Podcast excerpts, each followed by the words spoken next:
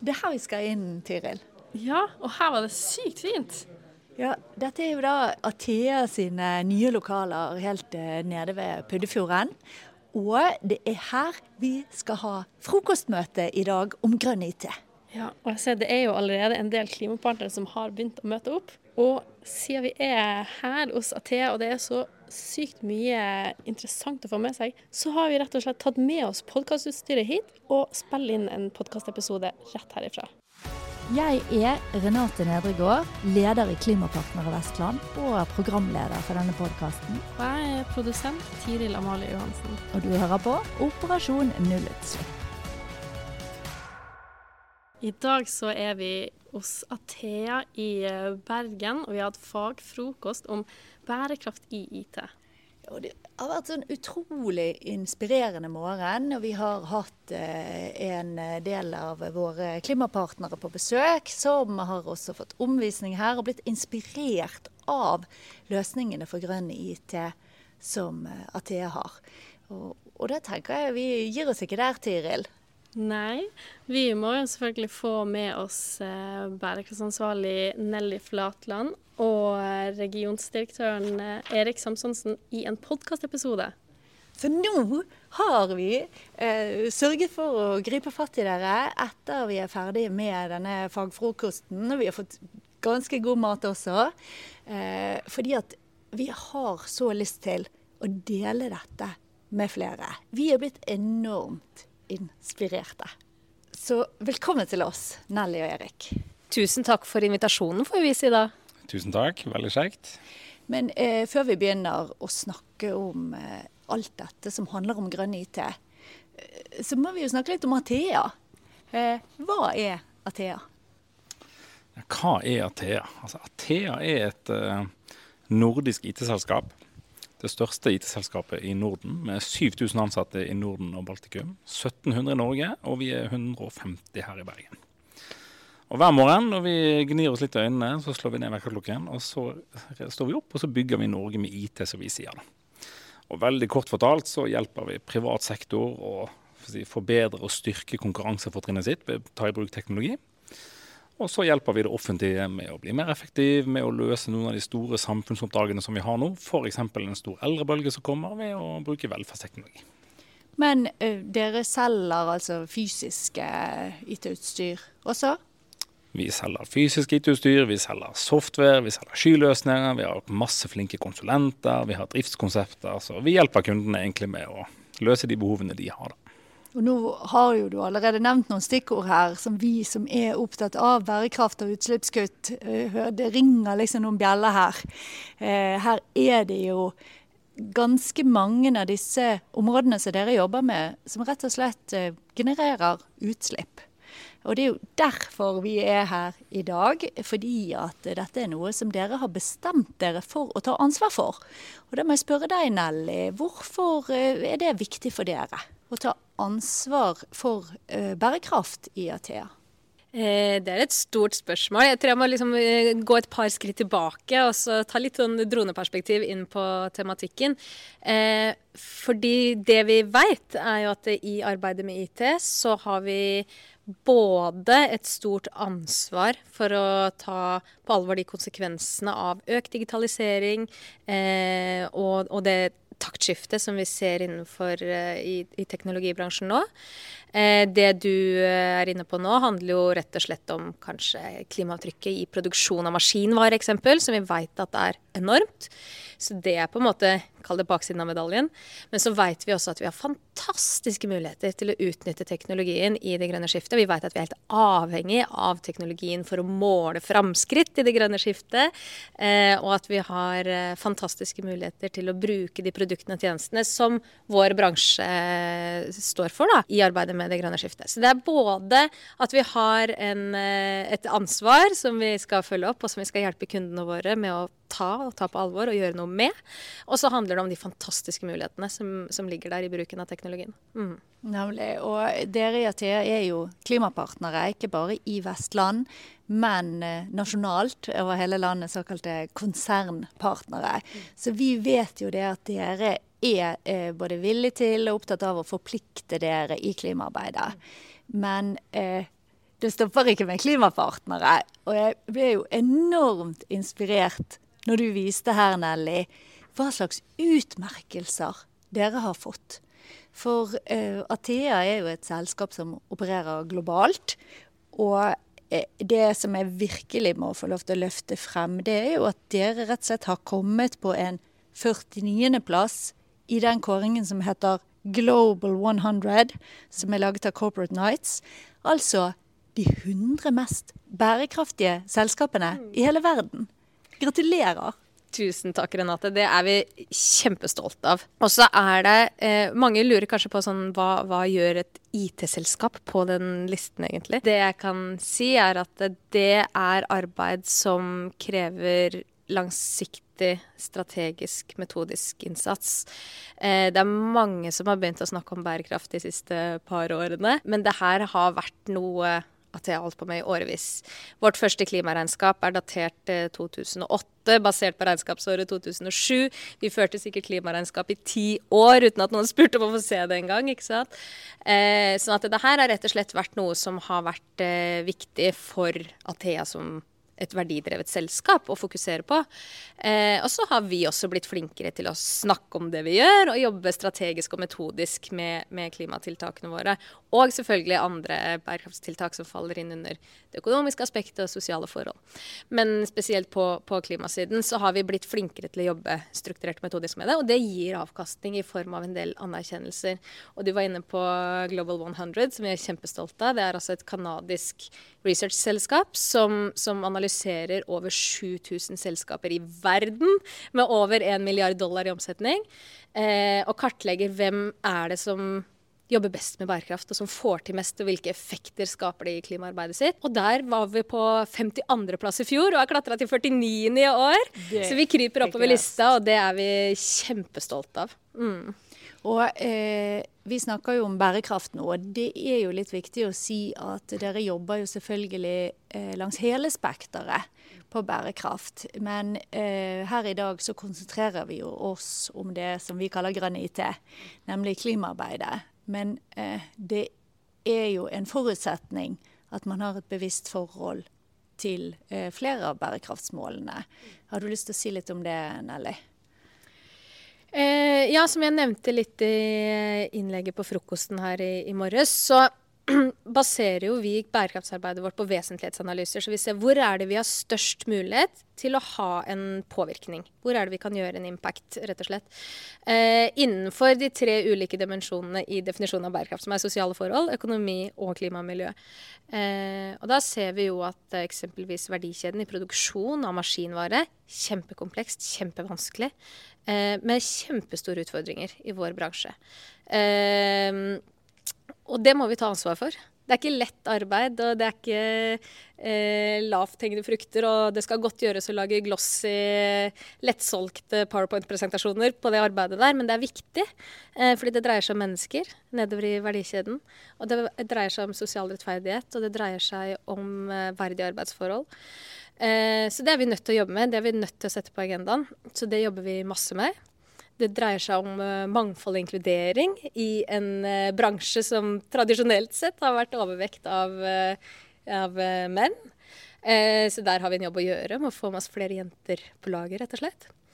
Og så dreier det seg om klima og miljø, og der har vi jo en, en fantastisk mulighet og et kjempestort ansvar, som vi var inne på tidligere, at vi sitter midt i skjæringspunktet. hvor vi både kan eh, og skal være med på å drive det grønne skiftet og bygge Norge med IT. Eh, bygge et bærekraftig Norge med IT. Eh, men hvor vi også må ta ansvar for, for utslipp og, og, de negative konsekvensene. Og så dreier det økonomiske aspektet seg om at vi faktisk driver lønnsom forretning. Det er ikke spesielt bærekraftig å gå konkurs. Eh, vi skal være en trygg arbeidsgiver som folk kan eh, komme på jobb til og stole på at de har.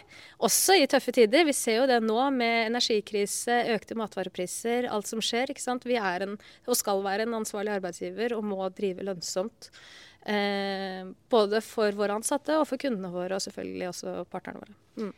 Det har jeg lyst til å spørre litt mer om. Kanskje jeg spørre deg om det, Erik. Fordi at jeg tror nok mange i næringslivet opplever at det er himla dyrt hvis man skal være god på bærekraft. Eh, og hvorfor skal man likevel eh, gjøre det, og hva er sammenhengen mellom eh, nettopp denne økonomiske bærekraften og de tiltakene som dere satser på? Det er nok litt ulikt fra bransje til bransje. Så, og I enkelte bransjer så har man jo store problemer med å erstatte innsatsfaktorer osv. til mer miljøvennlig. Men for oss i hvert fall, så er det jo sånn at våre økonomiske Vi er et børsnotert selskap. ikke sant? Hvert eneste kvartal er det viktigste noensinne. Um, og det er litt sånn at Hvis jeg ikke leverer på en måte et kvartal i min enhet, uh, og ringer sjefen min og sier at det der gikk ikke, men uh, så sier ikke han sånn ja ja, men du gjorde i hvert fall verden til et bedre sted mens du prøvde. Altså Du må på en måte levere. Men det vi må, jeg tror hele næringslivet må bli flinkere på, er jo å linke disse forretningsmålene og bærekraftsmålene, sånn at det ikke er to ulike ting. For jeg har litt inntrykk av at man ansetter flinke bærekraftsansvarlige, sånn som Nelly her, som holder på med noe litt sånn ut på siden der, og så holder resten av butikken på med sin greie i en del virksomheter. Det som jeg tror vi har lykkes bra med de siste årene, er å merge dette her, sånn at det er to sider av samme sak. Ja, fordi at Når vi snakker om grønn IT og Athea som klimapartner, så er det jo du som står på scenen, Erik, som er regiondirektør, og som svarer også for helt andre ting eh, til aksjonærene. Eh, det, har det vært vanskelig for dere å få til? Nei, det begynner jo hos oss begynner det er helt på toppen med vår konsernsjef, som har gått i bresjen for dette her. og Det, det sildrer nedover. Eh, men så er det jo også, altså bærekraft er et konkurransefortrinn i markedet. Altså Vi snakker om sirkularitet. Da er man inne på tjenestemodeller, da er man inne på merverdi til kundene. Da er man inne på å differensiere seg i markedet, møte nye lovkrav. Flere ganger i året så står jeg foran studenter osv. Vi vil jo at de flinkeste, skarpeste hodene med de varmeste hjertene skal begynne hos oss. Og en ting de er kjempeopptatt av ved siden av lønnen og alt dette, er jo hva samfunnsansvar tar dette her selskapet her. Hvordan kan jeg gjøre verden til et bedre sted? Og samtidig eh, jobbe. Og Det der er et viktig poeng. Er det rett og slett sånn Erik, at eh, hvis man ikke har klart å ta ordentlig stilling til eh, bærekraftsarbeidet i virksomheten, sett på sitt eget klimafotavtrykk, så er ikke det noen som gidder å jobbe her? Det er kanskje ikke så gale, men, men, det blir viktigere og viktigere. Så jeg tror du skal være ganske tøff eh, som leder og, og, glemme dette her i tre-fire-fem år til. Da kan fort eh, kunder og ansatte og alle på en måte stakeholder ha rykket, rykket eh, forbi. Har du merket den effekten hos dere? Jeg merker at flere av de unge som, som, begynner hos oss, når vi liksom går hvorfor valgte du faktisk at jeg er her i konkurranse med mange andre, så er det ofte det som kommer opp. Jeg syns det var kult å høre om hva dere gjorde innenfor bærekraft, og kunne være med og bruke teknologi til å, å gjøre våre kunder mer bærekraftige. Og dette er veldig attraktive nyutdannede, kan jeg tenke meg. Absolutt. Vi skal eh, litt nærmere inn på hva dere faktisk gjør. Eh, og Det er jo det som er så spennende når vi begynner å snakke om dette hos Athea, at dere har tatt dere tid til å utvikle en del verktøy. Og Det skal vi høre mer om. Men før vi gjør det, så har jeg litt lyst til at vi skal se det litt i perspektiv. Eh, fordi at, ja IT, hva er det? sant? Det er datamaskiner og det er mobiler og forskjellig. Men eh, har du noe slags sånn oversikt over hva slags klimafotavtrykk hele denne bransjen har?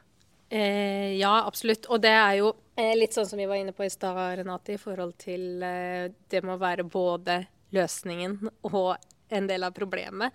Eh, vi vet bl.a. at eh, 14% av verdens klimagassutslipp det kommer fra energi. Energikonsum. Eh, og så er vi heldige her i Norge som har mye tilgang på fornybar energi, hvor vi vet at Europa f.eks. i stor grad baserer seg på gass og kull.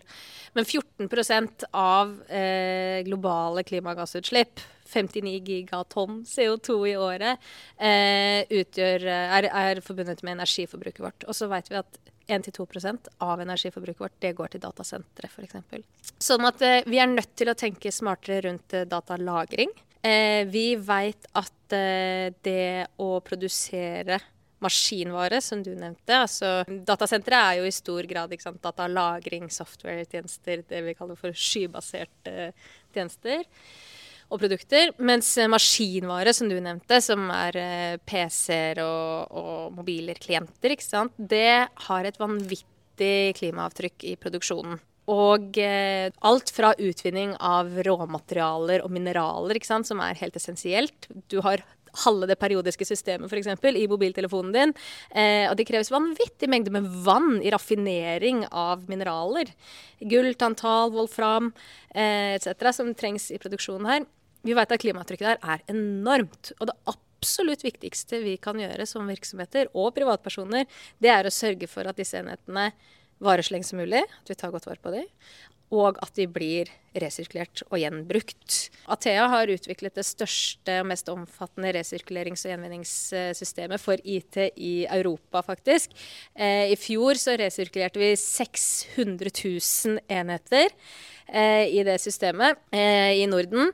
og det vi ser, er jo rett og slett at tre av fire av de enhetene som vi får inn, klientene som vi får inn, de kan gjenbrukes på en livssyklus nummer to.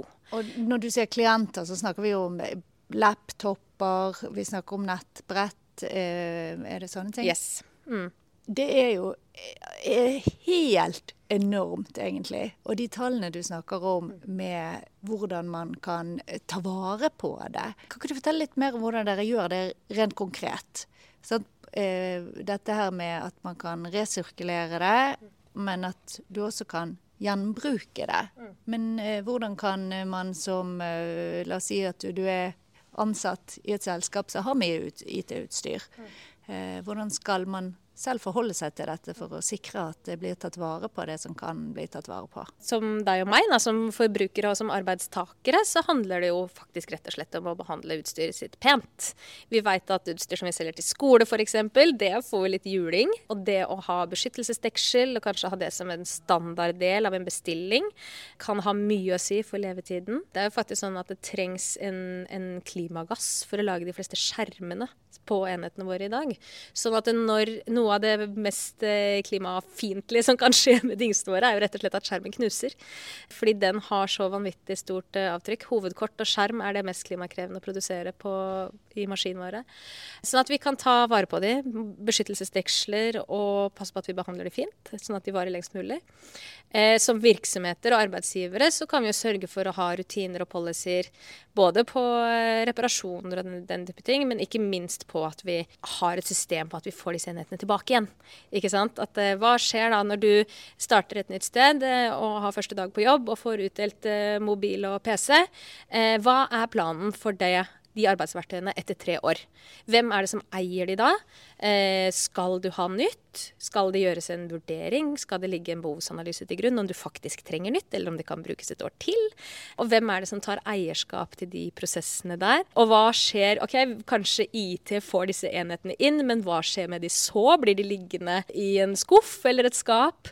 Eller får vi de tilbake i verdikjeden? Og der driver Athea nå og setter opp en ny tjeneste som vi kaller for relocation, som handler om at man skal kunne rotere enheter innad i virksomheter. Eh, dersom du f.eks. er en kommune da, kjøper iPader til bruk på sykehjemmet for å registrere hva som gjøres i løpet av en dag, og eh, alt fra avvik til behandling til medisineringsplaner etc., eh, så kan de bli brukt på sykehjemmet i to år. Og så kan du kjøre de gjennom en refurbish-prosess gjennom Athea, hvor vi sletter og vasker og setter i stand enheten igjen. Og så kan du f.eks. bruke de på skole, eh, og ha det som et klassesett med, med iPader i samme virksomhet, men på et annet sted. Eh, da sørger vi jo for forlenget levetid. og eh, at de enhetene kan brukes på nye måter, dekke andre behov, uten at de trenger å være splitter nye. Dette er jo veldig gode nyheter for klimaet, og sirkularitet eh, på den måten at man rett og slett gjenbruker eh, uten å nødvendigvis måtte resirkulere. Det heier vi virkelig på. Men Erik, er dette lønnsomt da? Lever ikke dere av å selge splitter nytt IT-utstyr? Jo, det gjør vi. Men så er det jo med IT-utstyr som alt annet, at det går an å kjøpe kvalitet som varer lengre.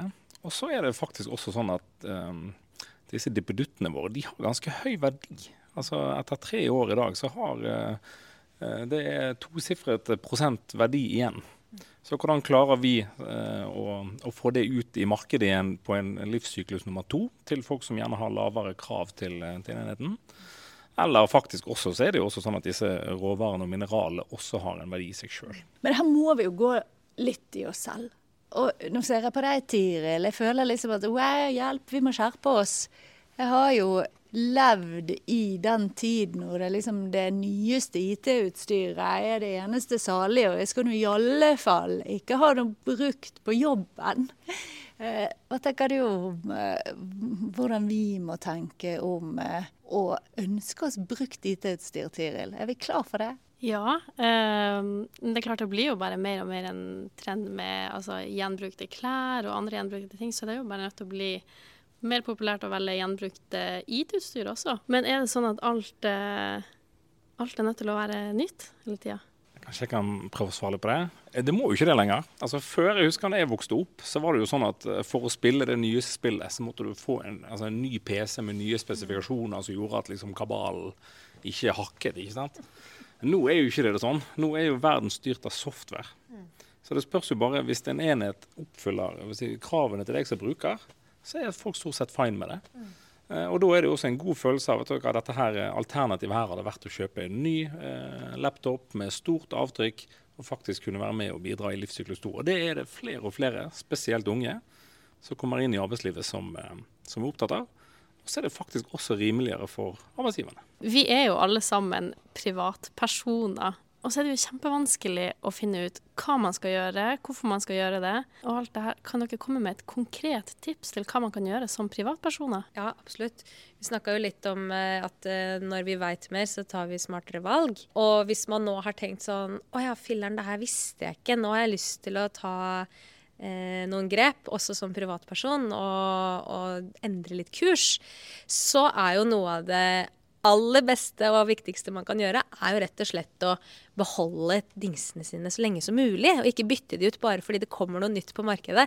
Og Erik, jeg vet at uh, du har jo et uh, miljøfyrtårn av en sønn hjemme, kan ikke du fortelle om han? Ja, stakkaren har jo en ti år gammel iPhone. Han tror jo selvfølgelig det er en av de nyeste, men uh, den funker jo helt utmerket enda. Det tenker jeg det er jo med teknologi som alle andre valg man tar som forbruker, er jo på en måte at man, eh, man må eh, bruke de ressursene man har lengre, og tenke må vi virkelig kjøpe nytt. Liksom. Mm. Ja, for Som virksomhet så kan man jo stille krav i en anskaffelse om at 15-20-25% av anskaffelsen skal være basert på brukt utstyr. Men som enkeltperson kanskje vi kan tenke at eh, barna våre trenger de egentlig en ny iPad eller en ny mobil. Eh, er det noe som kan sirkulere? Kan vi byttelåne med en nabo, eller kan vi OK, vi har en mobil til overs, dere har et nettbrett til overs. Eh, vi har litt ulike behov. Kan man bytte sånn? Eh, der tenker jeg at eh, det å bruke enhetene så lenge som mulig, og flere ganger, er noe av det viktigste vi kan gjøre som, som privatpersoner. Da. Jeg tror at det starter med en, en bevisstgjøring på hva eh, det her faktisk har for konsekvens. Hadde vi visst at eh, OK, nå kjøper jeg meg en eh, ny mobil, og det tilsvarer at jeg skulle flydd uh, tur-retur uh, Oslo-Stavanger 50 ganger, ikke sant, så kanskje vi hadde tenkt oss om en gang eller to ekstra.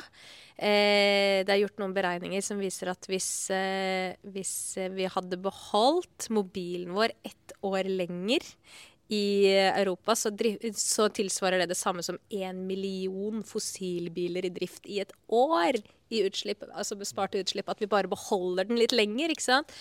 Så jeg tror at det starter litt der, med å bevisstgjøre. Jeg tror ikke vi har tenkt over hva de digitale verktøyene våre kommer med for slags prislapp utover kroner og ører som vi betaler for den. Og når vi veit det, så tror jeg at vi tar mer opplyste valg, eh, også som privatpersoner.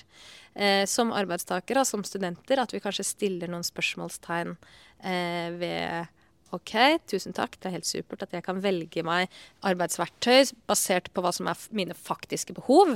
Eh, jeg jobber med mail og presentasjoner og litt Excel og Teams, ikke sant. Jeg trenger ikke noe sånn voldsom arbeidshest. Eh, mens en som skal sitte og redigere filmer eller klippe podkast, trenger en kraftigere maskin. Men at vi faktisk blir flinkere til å skaffe oss verktøy som dekker de behovene vi har. Og at virksomheter også gjør det i sine anskaffelser, ikke sant. I forhold til når man, eh, med tanke på når man setter kravspekk i et eh, anbud, at man sier at eh, vet du hva, behovene i virksomheten er dette for denne brukergruppen og dette for denne brukergruppen. Kan dere hjelpe oss med å dekke disse behovene på en klimasmart og så sosialt rettferdig måte som mulig, eh, så står vi i en posisjon hvor vi kan velge partner og vi kan velge utstyr til den kunden som, som dekker de behovene. Så jeg tror vet vi mer, så tar vi smartere valg som privatpersoner, som virksomheter. Så jeg tror jobben starter rett og slett med å tilegne oss kompetanse og ta inn over oss eh, hva konsekvensene av konsumet vårt er. Da. Eh, jeg må si jeg fikk litt bakoversveis når du hadde presentasjonen din her i sted. Og så nevnte du at i 2025 så er det beregnet at vi kommer til å ha 58 milliarder enheter i verden. Mm. Hva i all verden skal vi med det? Det er jo helt eh, vanvittig når vi tenker på Vi snakker jo om og, og digitalisering og det teknologiske taktskiftet, det er positivt. Det trenger vi. Og så har det samtidig den medaljen den har en bakside som vi må ta ansvar for. Eh, vi vet at på markedet i dag så finnes det omtrent 5,5 milliard PC-er. Eh, og så er det estimert at det, tidobles og vel så det de neste, neste årene. Det er en eksponentiell vekst i produksjon av, eh, av, maskinvare. Og nettopp derfor er det så avgjørende at vi kan få disse enhetene tilbake i verdikjeden, sånn at vi kan produsere ny maskinvare med gjenbrukte materialer. Eh, vi vet at eh, f.eks. Eh, Apple Apple, som vi jobber sammen med, de har satt seg et mål om at innen 2040 skal all deres maskinvare være produsert eh, eh, Råmaterialer i deres maskinvare skal være produsert av eksisterende Apple-produkter.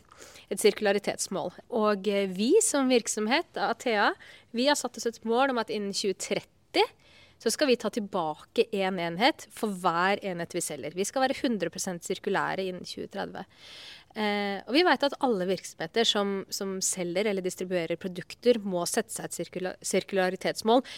For det, flere produkter er ikke nødvendigvis negativt i seg selv hvis de er laget av gjenbrukt materiale. Ikke sant? Da kan det jo være økt sysselsetting i form av at disse materialene skal fra hverandre. Disse skal jo demonteres og smeltes om etc. Men, men, vi vet at det økte forbruket det har en klimakonsekvens, sånn som systemet er rigga i dag. Og der har vi en jobb å gjøre. Uh, har dere gjort noen beregninger på uh, hvor mye kan man spare ved å velge uh, gjenbruk av en PC fremfor ny, ved å velge å resirkulere disse materialene fremfor at det bare ble liggende? Mm. Vi har gjort eh, masse beregninger på det her. Athea investerte i 2019 i et helt nytt eh, logistikksenter som ligger i Sverige. Som er altså state of the art bærekraftssenter, hvor vi har en egen avdeling for resirkulering og gjenvinning av, uh, av, IT. Og det er jo gjennom dette systemet at vi har resirkulert og gjenvunnet over 600 000 enheter i fjor. Og her har vi gjort en del av disse beregningene. Hva er klimabesparelsene i å gjenvinne og resirkulere IT? Det vi vet, er at tre av fire av de eh, brukernære enhetene som kommer inn til oss, de kan gjenbrukes.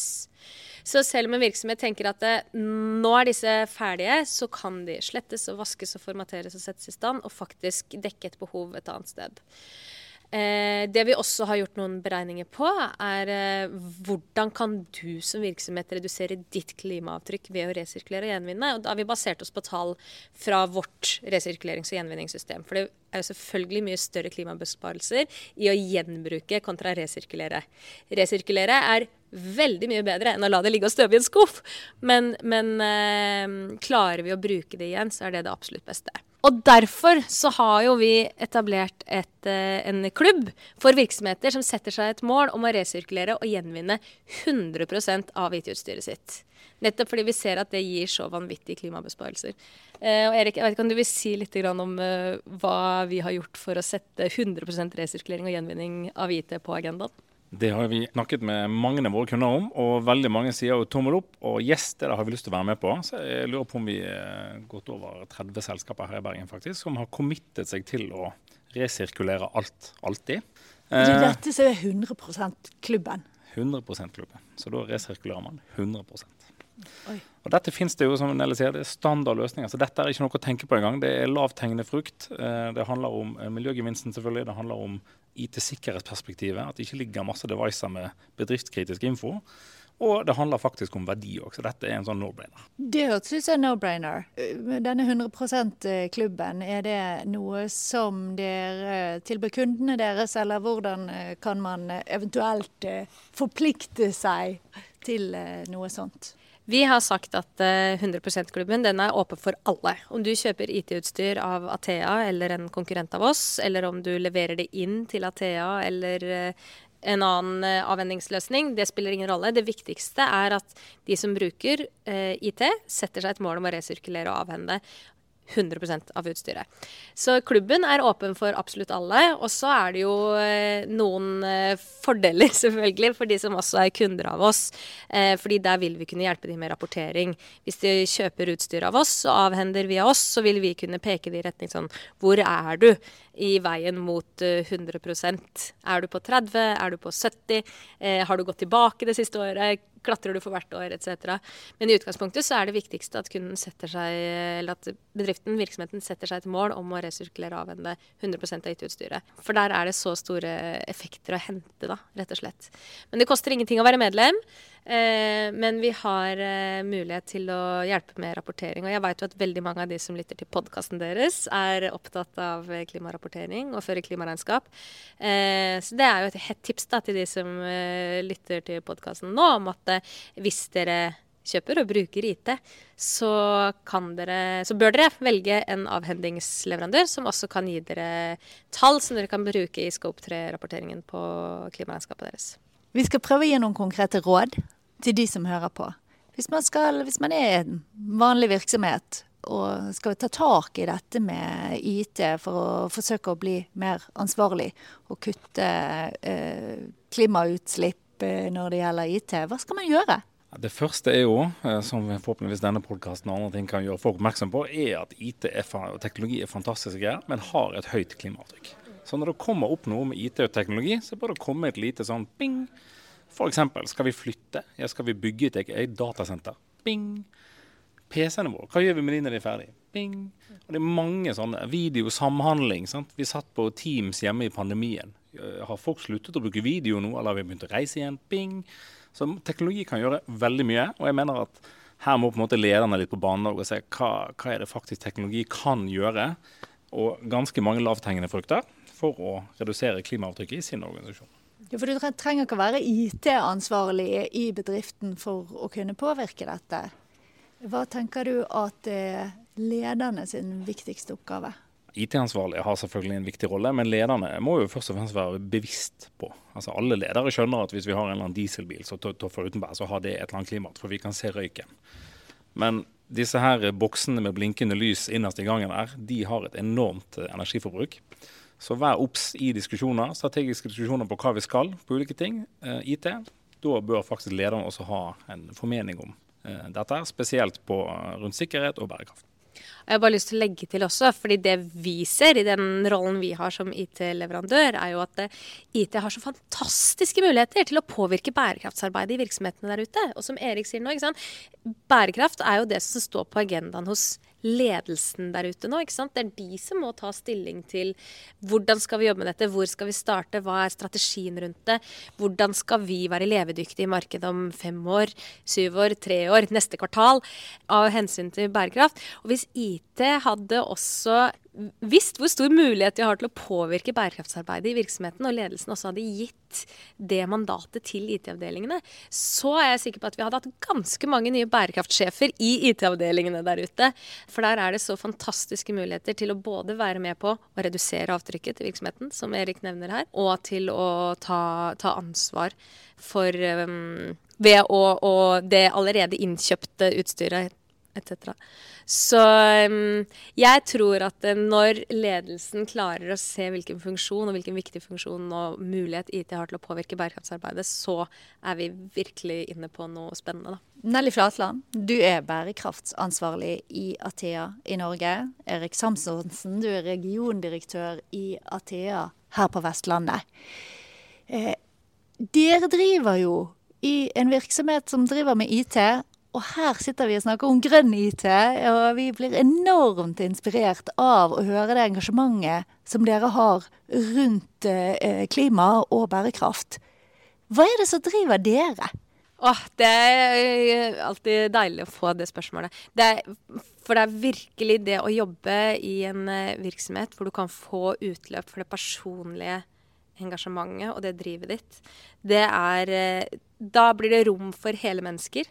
Da slipper du å være én person på jobb og én person hjemme. Du kan ta med deg sjøl på jobb. Og det opplever jeg virkelig at eh, jeg får gjort i den rollen og den virksomheten her. Jeg har eh, snart tre barn eh, under tre og et halvt år. Det å tenke på 2025, 2030 det, liksom, det, kan være en skremmende tanke. Men, men, jeg føler meg veldig trygg på at de skal få en fin oppvekst og en trygg framtid når jeg ser den eh, viljen til å skape endring i bl.a. norske virksomheter, som jeg ser nå. Jeg er helt sikker på at om ti år så kommer vi til å se oss over skuldra, kikke på 2023 og tenke for en vanvittig snuoperasjon det grønne skiftet som vi står til knes i akkurat nå og lurer på hvordan vi skal klare oss gjennom, jeg er helt sikker på at vi kommer til å lykkes med det. Fordi vi har ledere som er opptatt av det her. Vi har virksomheter som ser lønnsomheten i å satse på det.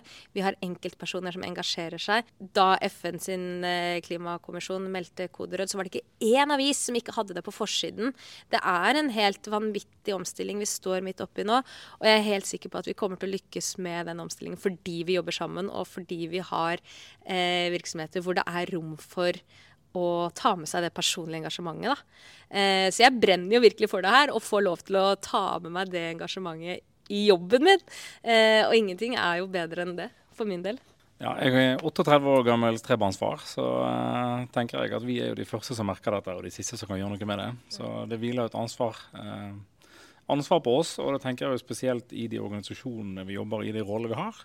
Og for min del så syns jeg det er en kjempemotivasjon at det faktisk er mulig å, gjennom jobben å kunne gå foran og, gjøre en, kanskje en enda større forskjell enn jeg kanskje kan som privatperson med, med de enkle grepene man kan gjøre hjemme. Eh, Nelly, til slutt, har du en utfordring til de som hører på?